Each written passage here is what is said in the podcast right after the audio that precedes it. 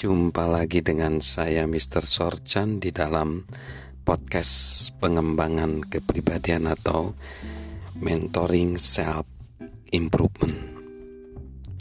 Dorongan semangat adalah memutuskan untuk menjadikan masalah Anda masalah saya. Bakat yang hebat membutuhkan juga dorongan semangat. Bakat yang hebat membutuhkan dorongan semangat. George Frederick Handel adalah seorang jenius musik.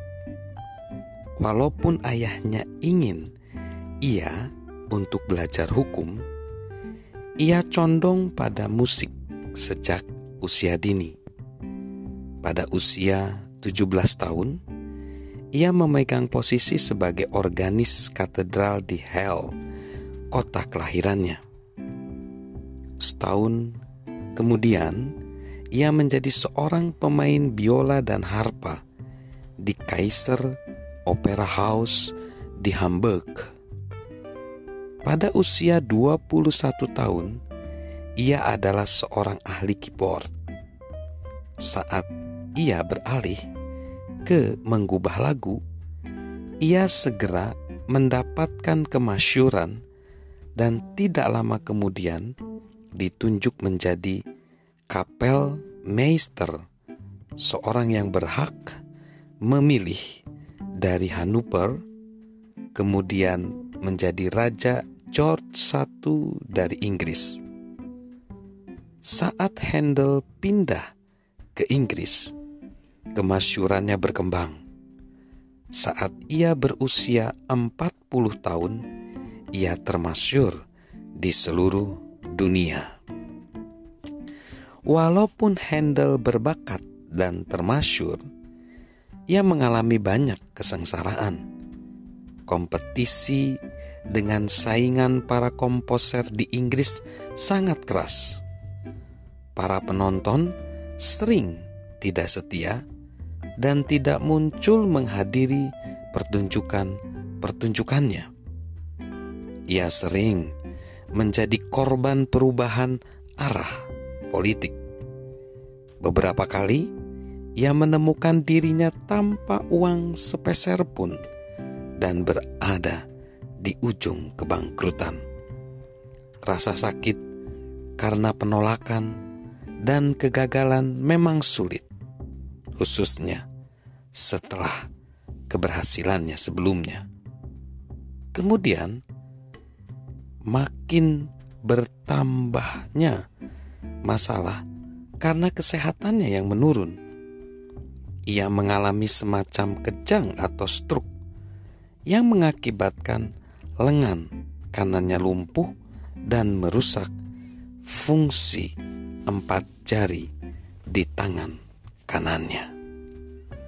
Walaupun sembuh, itu membuatnya putus asa Akhirnya, pada tahun 1741, Handel memutuskan bahwa sudah tiba saatnya untuk pensiun, walaupun usianya baru 56 tahun. Ia merasa putus asa, sengsara, dan dililit utang. Ia merasa yakin bahwa ia akan berakhir di penjara orang-orang yang berutang pada tanggal 8 April, ia menyajikan apa yang ia anggap sebagai konser terakhirnya. Kecewa dan dipenuhi rasa kasihan pada diri sendiri, ia menyerah. Tetapi pada bulan Agustus tahun yang sama, sesuatu yang luar biasa terjadi.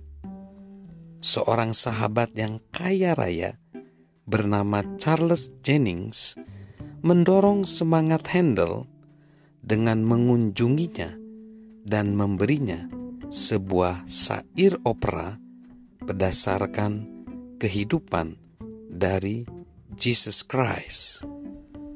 Karya tersebut cukup menarik hati Handel sehingga menggugahnya untuk bertindak. Ia mulai menulis seketika pintu-pintu inspirasi terbuka dalam dirinya. Selama tiga minggu, ia menulis hampir tanpa henti. Lalu ia menghabiskan dua hari lagi untuk menciptakan orkestrasinya. Dalam waktu 24 hari, ia telah menyelesaikan naskah 260 halaman berjudul Mesaya. Kini, Mesaya karya Handel dianggap sebagai sebuah karya besar dan puncak dari karya seorang komposer.